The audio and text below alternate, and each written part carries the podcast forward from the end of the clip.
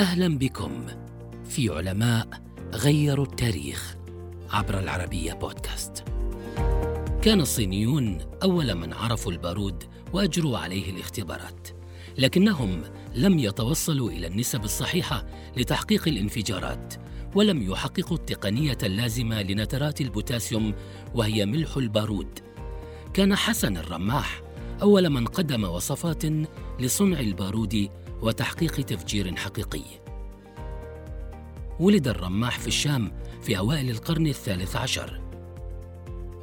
عالم مسلم نسب إليه الفضل في تطوير تكنولوجيا الصواريخ بالعالم الإسلامي.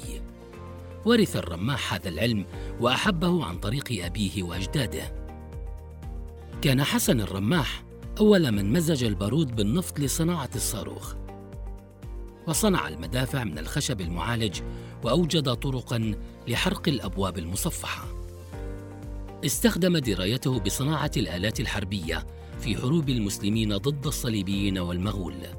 كتب الرماح مكونات القاذفات في كتابه الحيل العسكرية.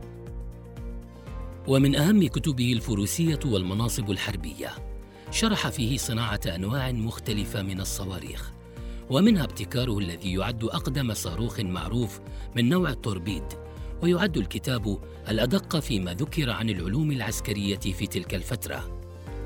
كما تحدث في كتابه البنود في معرفة الفروسية عن استخدام الأحصنة في المعارك وتشكيل الجيوش والأسلحة النارية واليدوية.